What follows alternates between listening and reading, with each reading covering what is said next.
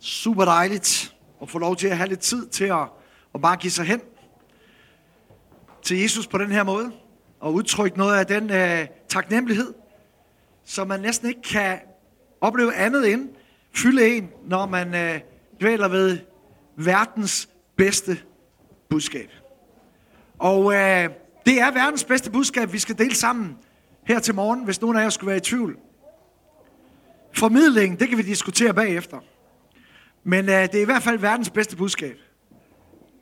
Og øh, jeg har været lidt i, øh, så lidt frem og tilbage omkring, hvad jeg skulle kalde mit budskab her til morgen, men nu er det altså enden på det indtil videre er blevet, at jeg har kaldt det faktisk tilgivelse. Eller, kommer til at handle om tilgivelse. Nej, jeg endte ikke på tilgivelse. Jeg kommer til at, jeg kalder det, hvad blev der af drømmen? Det var sådan. Yes. Og øh,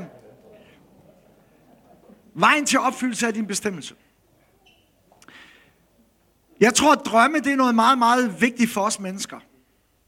Jeg tror, at alle mennesker drømmer. Jeg snakker ikke sådan, du ved, om dem der, når du ligger og sover og vågner op om morgenen og tænker, jeg havde en eller anden drøm, jeg kan ikke rigtig huske, hvad det handlede om.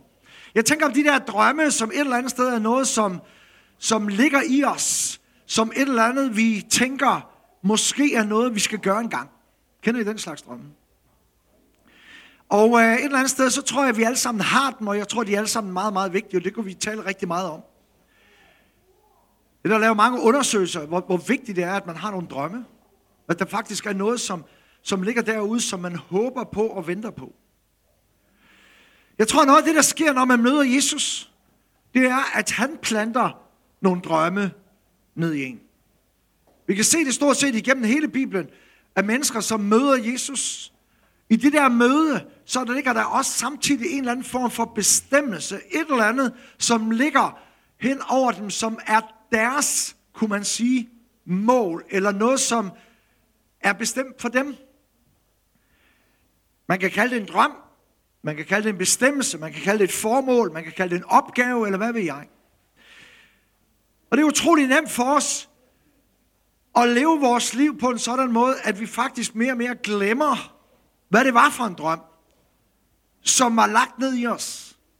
Ofte meget tidligt, efter vi sådan har haft nogle afgørende møder med Jesus. Der er nemlig rigtig mange ting, som kan slukke vores drømme. Der er rigtig mange ting, som kan forhindre os i rent faktisk at nå det mål, som Gud har sat for os. Og det vil jeg gerne tale lidt om. Og, og først og fremmest så handler det selvfølgelig om på en eller anden fasong, at vi begynder at blive i stand til at, og bedømme, hvad er det, der er Guds mål, og hvad er det egentlig bare mine egne tanker. Du kan være stensikker på, at Gud har lagt nogle drømme ned i dig. Lad være med bare at afskrive alt, hvad du har at drømme og sige, nej, det er ikke fra Gud, det er nok bare min egen ambition, det er nok bare mine egne tanker. Jeg er overbevist om, at Gud har lagt drømme længsler ned i hver eneste en af os. Så man kan sige, at den første ting er selvfølgelig at begynde at finde ud af, Gud, hvad er det faktisk, du har lagt ned i os? For at hjælpe os til at prøve at se, hvad det er for nogle ting, som kan spolere drømmen, som kan afspore det, som er vores bestemmelse, så vil jeg tage min udgangspunkt i beretningen om Josef i det gamle testamente. Og øh, jeg ved ikke, om I kender Josef. Nogle af jer har stiftet bekendtskab med ham i den her version. Øh, det er Josef, ham der. Og øh, han er blevet populær også som tegneseriefigur. Men i virkeligheden er jo, han jo en historisk skikkelse, som vi finder i det gamle testamente i første Mosebog. Og et eller andet sted kan man sige, Josef var en ganske almindelig drøm, eller undskyld, en almindelig mand, som oplevede i en meget ung alder at få nogle drømme. Og på mange måder, så kan vi identificere os, vil jeg våge påstået, med den her unge mand, Josef. Han fik nogle drømme, og det viste sig, at det var nogle drømme fra Gud. Men der var godt nok mange ting, som forsøgte at stanse ham i at nå sin bestemmelse. Og se de her drømme gå i opfyldelse. Han øh, måtte igennem en hel masse. Og et eller andet sted er der et nøgleord i det, at man skal igennem tingene. Du slipper ikke udenom tingene. Det er ikke sådan, at, at Gud han tager dig, og så løfter han dig lige hen over bjerget, eller udenom tingene. Han fører dig igennem tingene. Og det, der bliver afgørende, det er, hvordan kommer du igennem tingene. Det bliver fuldstændig afgørende for, hvor du lander hen. Om du rent faktisk bliver i stand til at se drømmene opfyldt, som han har givet til dig. Det der med at skulle igennem nogle ting, som er svære, det her med at skulle igennem noget, og face nogle ting, hvor man bare tænker, det kan jeg simpelthen ikke. Det her det er for hårdt, det er for svært, hvad vil jeg? Det kan aflive vores drøm. Nogle gange så stopper den lige der. Vi kommer aldrig videre. Men der er en mulighed for at komme igennem det, og Jesus han har lovet, at han vil være med os alle dage. Han har sagt, at han vil, han vil sammen med os bane en vej. Der er rent faktisk en vej igennem det. Det var der også for Josef. Men lad os bare prøve at dykke lidt ned i Josef historie. Øhm, jeg synes i hvert fald, at jeg identificerer mig med mange ting i Josefs historie. Så, kan du så kan du så se, om du også kan. Fordi Josefs historie starter i 1. Mosebog kapitel 30 i Bibelen. Og vi vil ikke tage os tid til at læse hele hans historie. Den strækkes over adskillige kapitler i første Mosebog. Det første, vi læser om Josef, det er, at hans mor Rakel ikke kunne få børn. Og øh, det var en stor smerte for Rakel. Hun var gift med, med øh, skulle lige have den rigtige sat på. Hun var gift med øh, Jakob, og øh, hun kunne ikke få børn. Og det var en kæmpe skam. Det var der dengang generelt, men det var også et ekstra stort problem, fordi hendes søster, som også var gift med Jakob, dengang havde man flere koner, hun fik seks sønner. Og Rakel havde ingen. Og der står til sidst, så svarede Gud på hendes bøn, og så fødte hun Josef. Og efter datidens skik, så var det moren, der gav navn til barnet. Så hun kaldte ham Josef. Josef, som betyder, og som er jo et smukt navn, Gud vil forøge, eller Gud vil mangfoldiggøre. Men når man læser historien, så handler det ikke om, at hun var glad og tilfreds over, at hun har fået en søn. Det var i virkeligheden en bøn om, at Gud måtte give hende mere. Tænk at blive født, og så have en følelse af, nå, det var ikke nok. Jeg var åbenbart ikke det, som min mor havde håbet på. Fordi en søn er jo ikke ret meget i forhold til konkurrentens seks sønner, vel? Så et eller andet sted, så var det bare, moren, hun vil bare have nogle flere. Så tænk at få sådan et navn, som allerede i udgangspunktet emmer af utilfredshed. Moren er faktisk ikke engang tilfreds med ham. Det næste, vi hører om, om, om øh, Josef, det er, at han rent faktisk får en lillebror. Altså, hans mor bliver gravid igen. Det er barn, som hun så inderligt ønskede, kommer. Men det bliver en forfærdelig fødsel, og rent faktisk ender det med, at moren dør. Så Josef mister sin mor i en ung alder. Og hun når at navngive den næste søn også. Ben-Oni kalder hun ham. Som betyder min ulykkes søn. Dejligt navn, ikke? For sådan en søn, der skulle bære på hele hans liv. Heldigvis var Jakob så åndsnærværende, han ændrede navnet til Benjamin, som betyder lykkens søn. Øh, så han mister sin mor, og man kan sige allerede der, det er nogle traumatiske ting. Så er det imidlertid sådan, at Josefs far, han, øh, fordi han elskede Josefs mor så meget, og nu havde mistet hende, så endte det med, at Josef blev hans særlige foretrukne. Ud af 12 sønner var Josef den, som var favoritten. Og det betød, at faren forkælede Josef helt vildt. Og, øh, og der står, at alle hans brødre hadede ham. Et barsk udtryk. Der står, alle hans brødre havde ham. Og så bliver det ikke bedre af, at hans far på et tidspunkt giver ham en helt særlig hjemmelavet kjortel, som var sådan en med lange ærmer, og det hele, der var åbenbart seneste skrig. Og, øh, og den var han jo rigtig stolt af, den her unge gut. Og så står der, at de havde ham endnu mere, så meget, at de kunne ikke sige et positivt ord om ham. Forestil dig at vokse op med 11 brødre. Er nogen af jer, der er brødre? Er nogen af jer, store brødre? Så ved I, hvad vi snakker om. Men 11.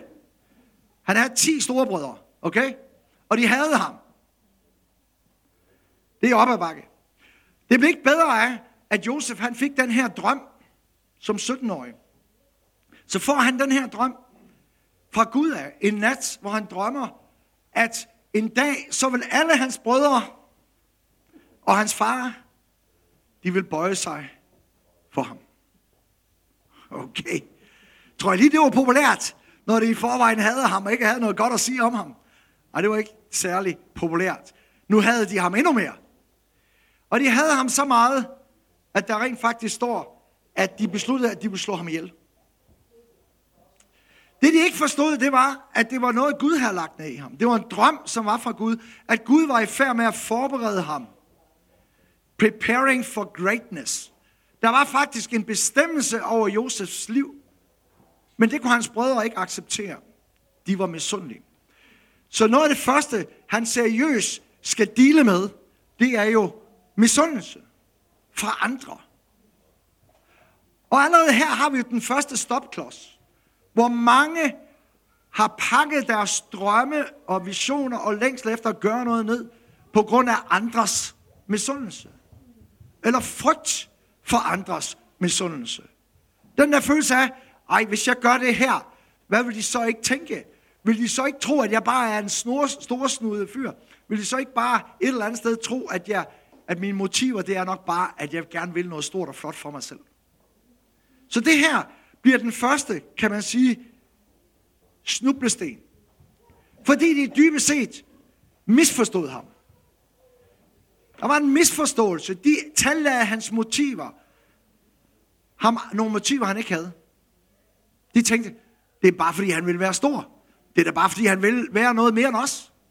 Så derfor, så øh, havde de ham så endnu mere. De besluttede sig for, at de ville slå ham ihjel. Det er simpelthen en måde at slukke drømmen på, ikke? Så man, slipper man for ham. Den store snudede valp der. Hvad bilder han sig ind? Så de beslutter sig for at slå ham ihjel. Og så er alligevel storebror, den ældste, Ruben, han bliver alligevel en med sig selv, eller han har det alligevel lidt skidt med det.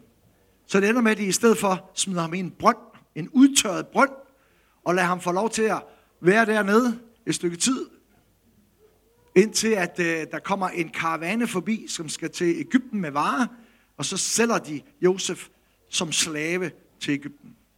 Og går hjem til deres gamle far og siger, der var et vildt dyr, som har et ham.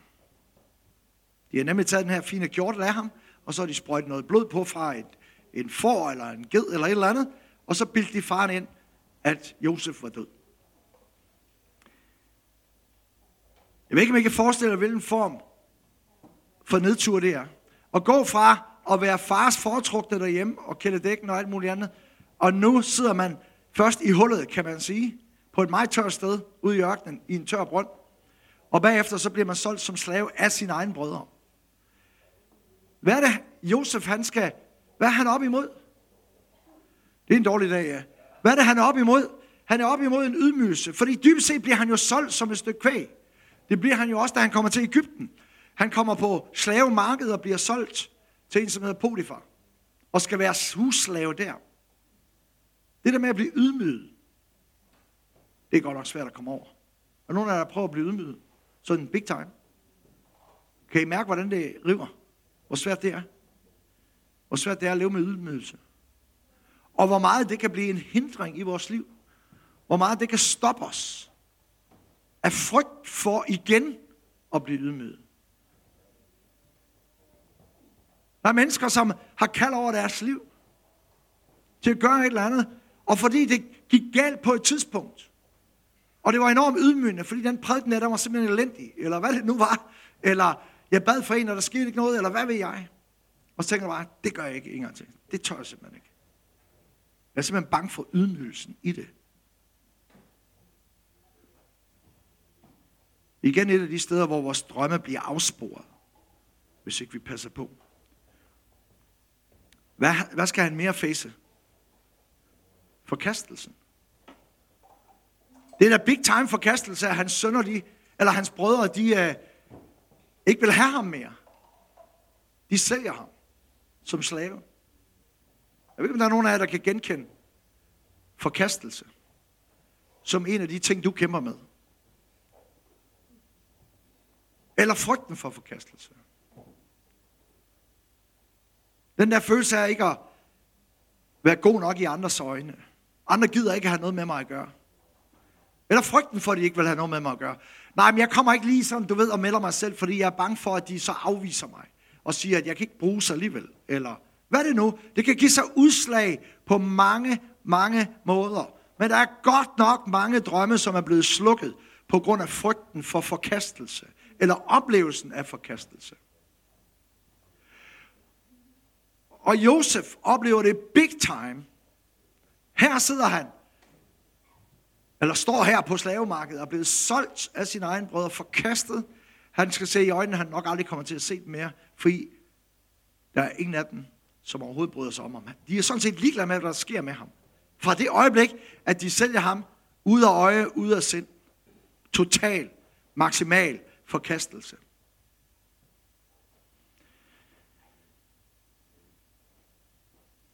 Det næste, der sker, det er, at han får en lille optur. Sådan er der jo indimellem. Det går ikke kun nedad.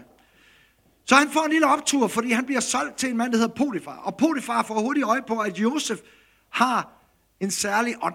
Der er noget over Josef. Der er noget karakter, der er nogle forskellige ting. Så han ender rent faktisk med at betro ham. Hele sit hus. Han får så meget tillid til Josef, han får lov til at regere hele huset. Så Potifar behøver ikke andet. Han har sagt, at han hjem og sætte sig til bordet. Og spiser, drikke og gå på arbejde. Og alt andet tager Josef sig af. Et stort hus med mange funktioner. Og Josef har styr på det hele. Loyal. Arbejdsom. Det viste sig virkelig, at der var noget karakter hos Josef. Men det han ikke kunne tage højde for, det var, at Potifars kone, hun begyndte at kigge langt efter Josef. Og på et tidspunkt forsøger hun rent faktisk at forføre ham. Og Josef, fordi han var den her, den her med den her karakter, han, han var lojal og alt muligt andet, han afviste hende. Og det gjorde han i lang tid, står der. Og til sidst så bliver hun så, hvad ved jeg, så påtrængende, at hun øh, rent faktisk rykker kappen af ham, og han flygter, står der. Så da Potifar kommer hjem, så bilder hun Potifar ind, at Josef har forsøgt at voldtage hende. Med det resultat, at Potifar, han smider ham i fængsel. Er der nogen af jer, der kender den her stopklods? Hvad? Den her, det er en af de værste. Det er en af de værste stopprøver i kristenlivet. Den her. Ja. I ved godt, hvad en stopprøve er, ikke? Det er, når man er i gang med en uddannelse, så kommer der en eller anden prøve der. Og dem, der, dem, der er mange, der ikke klarer den der prøve der. Det vil sige, så må de finde på noget andet. Det der, det er en af stopprøverne. Når vi oplever uretfærdighed. Josef havde ingenting gjort. Josef havde været fuldstændig upright. Han var lojal. Det var faktisk på grund af hans loyalitet jo, at han havde sagt nej igen og igen og igen til den her kvinde. Og nu bliver han beskyldt lige præcis for det, som han ikke har gjort. Det er uretfærdigt. Og det gør vanvittigt ondt. Og jeg er ret overbevist om, at der er rigtig mange af jer, som kan identificere jer i et, på et eller, andet om, i et eller andet omfang med den der oplevelse uretfærdighed. Jeg ved i mit eget liv, at noget af det, jeg synes er aller, aller sværest at håndtere, det er, når jeg bliver beskyldt for noget uretfærdigt. Jeg ved, det, det, det er det, der river allermest i, i mit hjerte. Det, det er noget af det, jeg synes er allersværest. At blive beskyldt for noget, som jeg jo ikke har gjort. Eller rettere, jeg ved, hvad mit motiv er. Kender I det? Josefs motiv var rigtigt. Og så bliver han tillagt nogle helt andre motiver. Det der skulle Josef dele med. Og det kunne han så passende gøre i det fængsel, som han blev smidt i. Hvor han kom til at sidde i rigtig, rigtig lang tid.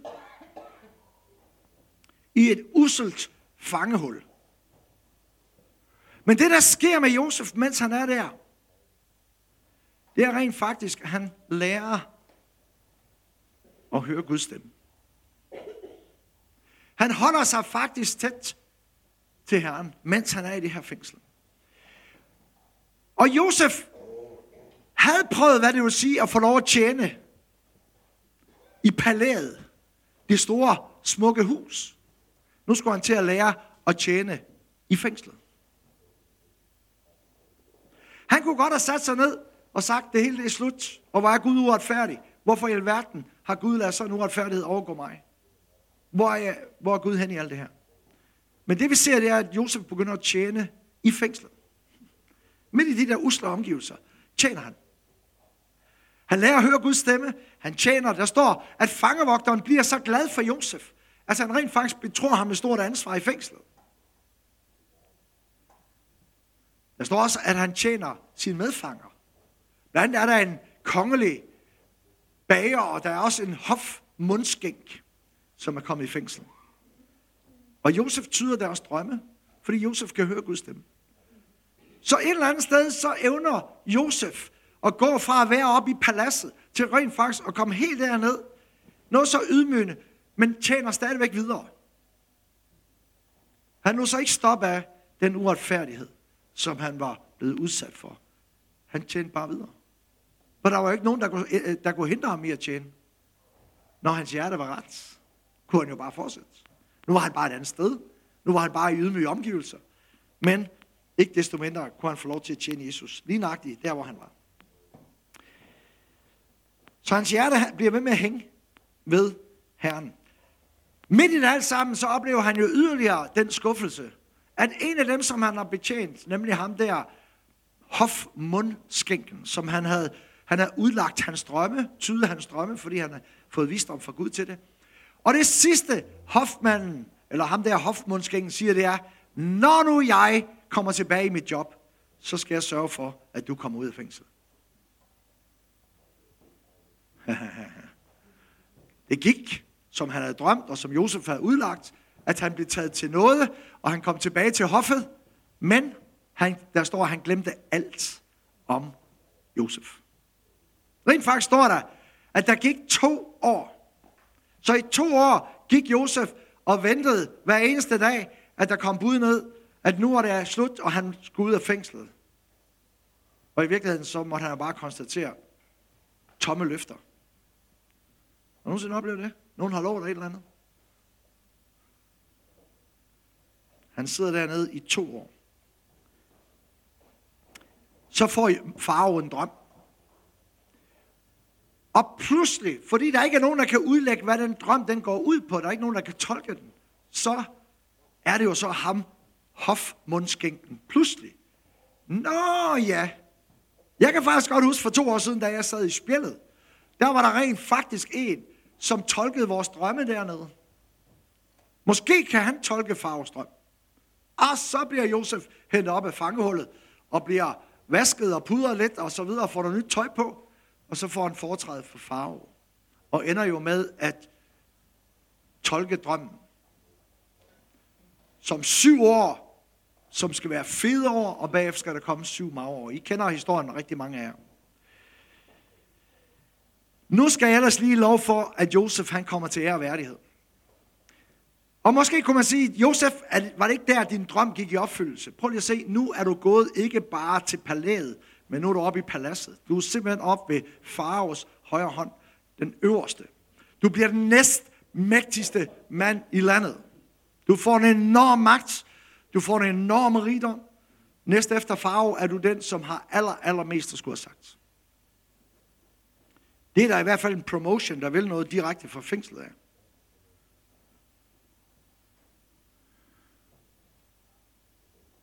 Så hører vi om, hvordan at Josef, fordi han har den ånd, han har, så bliver han til stor velsignelse. Han redder faktisk folket fra hungersnød. Men den ultimative test kommer for Josef, da han pludselig en dag står og skal sælge korn og genkender, at dem, der står foran ham, det er ti af hans brødre. De samme ti, som havde solgt ham som slave for mange år siden. Han genkender dem med det samme, de genkender ikke ham. De har nok heller ikke lige ventet at se ham der. Kommer den ultimative test på hans hjerte. Og testen den hedder bitterhed. Hvad boede der i hans hjerte? De har gjort så meget ondt. De har hadet mig. De forkastede mig. De ydmygede mig. De solgte mig bogstaveligt talt ud. Nu har jeg magt til gengæld. I de ligger der med snuden på jorden. Altid. Og jeg kan bare vende tomfingeren op eller ned. Den ultimative test. Bitterhed. Og der er mange, rigtig mange kristne, som aldrig vinder den kamp. Du skal ikke bilde mig ind, det ikke var en kamp. Du kan ikke bilde mig ind, det ikke var svært for Josef. Og der var alverdens verdens følelser, som gik igennem ham, lige da han ser dem. Men det der er ved Josef, det var, at han vandt den her test. Han vandt den her test. Og historien går jo så på, at han, der står, at han blev så berørt, da han ser dem, at han må gå ind i, rende ind i rummet ved siden af og, og græde, tørre sine øjne og kommer tilbage. Så ender han med at gå et stykke tid, inden han afslører over for dem, at han faktisk er deres bror. Og det møder vi i kapitel 45. En af de mest rørende beretninger overhovedet i Bibelen kommer her. Første Mosebog, kapitel 45. Der sagde, øh, Josef sagde til sine brødre, kom herhen. Og da de kom hen til ham, sagde han, jeg er jeres bror Josef, som I solgte til Ægypten. Vær nu ikke bedrøvet og skamfulde over, at I solgte mig hertil. Gud har sendt mig i forvejen til livets opretholdelse.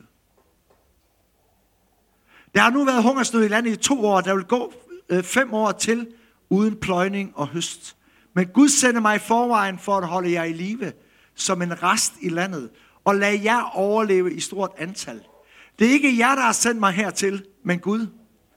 Han har gjort mig til fader for farve og til herre over hele hans hus og til hersker i hele Ægypten. Josef forstod, at alt, hvad han har været igennem, alt, hvad hans brødre havde udsat ham for, alt, hvad alle mulige andre mennesker havde udsat ham for, i virkeligheden var en del af Guds måde at arbejde med ham på.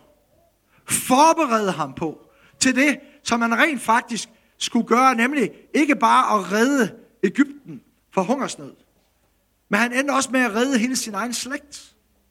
Ja, han endte faktisk med at redde frelseshistorien, kan man sige. For hele frelseshistorien, som ender ud med Jesus komme, den afhænger af, at den her familie overlever.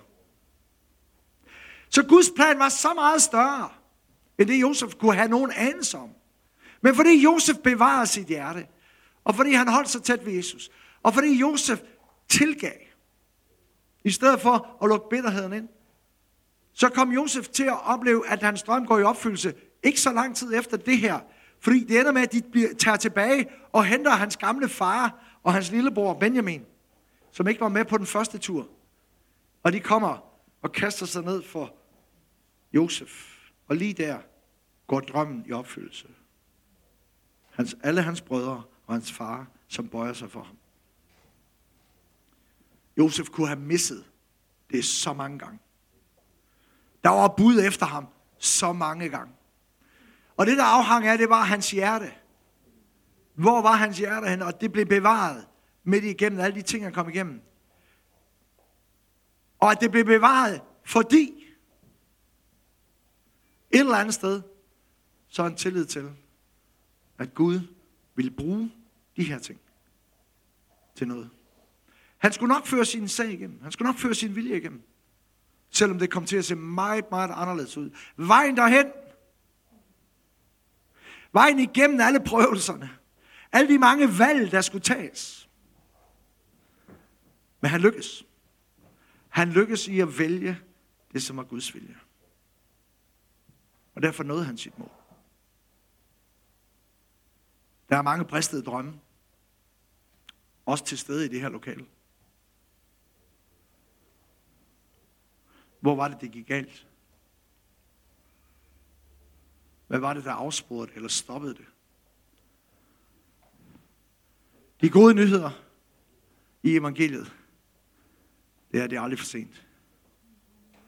Det er aldrig for sent. Når det er Jesus, vi har med at gøre, så er det aldrig for sent. Han kan tage, og han kan tage vores hjerte, og han kan ændre det. Han kan tage et bittert hjerte, han kan tage et hårdt hjerte, han kan tage et stenhjerte ud, og han kan give os et nyt hjerte. han kan faktisk lade os få lov til at gå videre. Ind i det, som Gud havde bestemt. Fordi det afhænger af, det handler ikke bare om dig. Lige så lidt som det her, det bare handlede om Josef. Det handler jo ikke bare om, Josef skulle lykkes. Det handler jo ikke bare om, Josef han skulle kunne skrive en bog engang om mit liv. Og hvor fantastisk en karriere han fik. Det handler jo om noget, der var langt, langt større og langt, langt mere vidtrækkende, end Josef overhovedet havde fantasi til at forestille sig. Der var faktisk rigtig meget på spil. Vi ved det, fordi vi lever så mange år efter. Vi kender historien. Vi ved, hvad der var på spil. Det kunne Josef af god grund ikke vide. Men fordi han hele tiden valgte at holde sig til Herren og bare tjene ham, lige nøjagtigt der, hvor han var. Bevare sit hjerte rent. Tilgive. Så bestod han bare den ene test efter den anden. Og han endte med at lykkes i det, som er Guds vilje for ham. Og blev til fantastisk velsignelse. Han blev faktisk et forbillede på Jesus. Han blev et forbillede på Jesus. For Josef, han endte rent faktisk med at gå igennem alle lidelserne for at redde dem, som var hans forfølgere. Han blev et eksempel, fantastisk eksempel, forløber for Jesus. Vi skal bøje vores hoveder.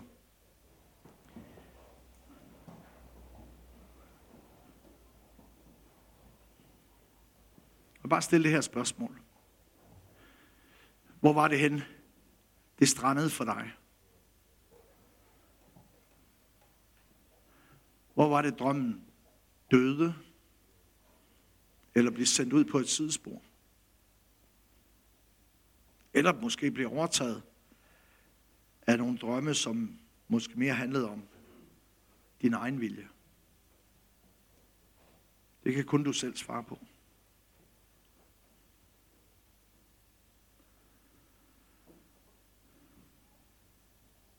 Jeg ved ikke, om Christoffer er her. Vil du komme op, Christoffer, bare lige og spille lidt på din guitar? Mens vi sidder her. Jeg har bare sådan en oplevelse af, at, at der er nogen, vi skal bede for. Men vi vil gøre det på den måde, at jeg bare vil bede dig, mens vi, mens vi øh, bare lytter til lidt musik her i baggrunden. Du ved præcis, hvor det er. Det, det er ikke nogen, du behøver, ikke nogen, du behøver at grænske længe efter. Du ved, hvor du genkender noget, som forhindrede. Og fik dig til at stoppe op, eller gjorde dig usikker, eller træk dig.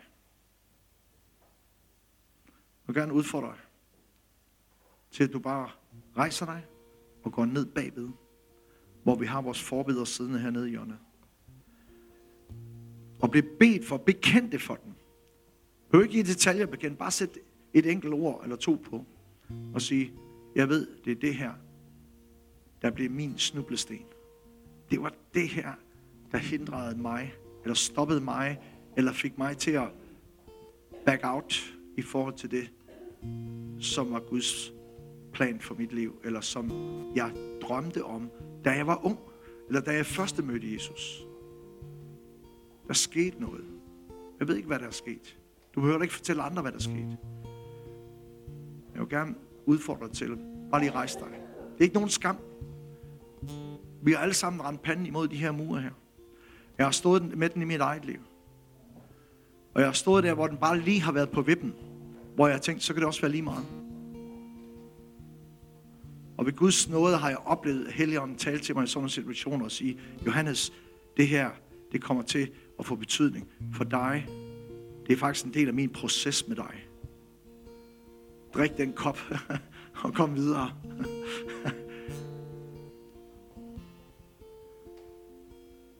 Lad være med at holde dig tilbage. Rejs dig bare og gå ned bagved hernede. Og lad dem bede for dig. Og bliv fri af dig. kom videre. Fordi der er en plan. Og den plan, den er så langt større, end du overhovedet kan forestille dig. Det er så langt rigere, det han har. Det er så meget, meget mere langt rækkende, end du forestiller dig.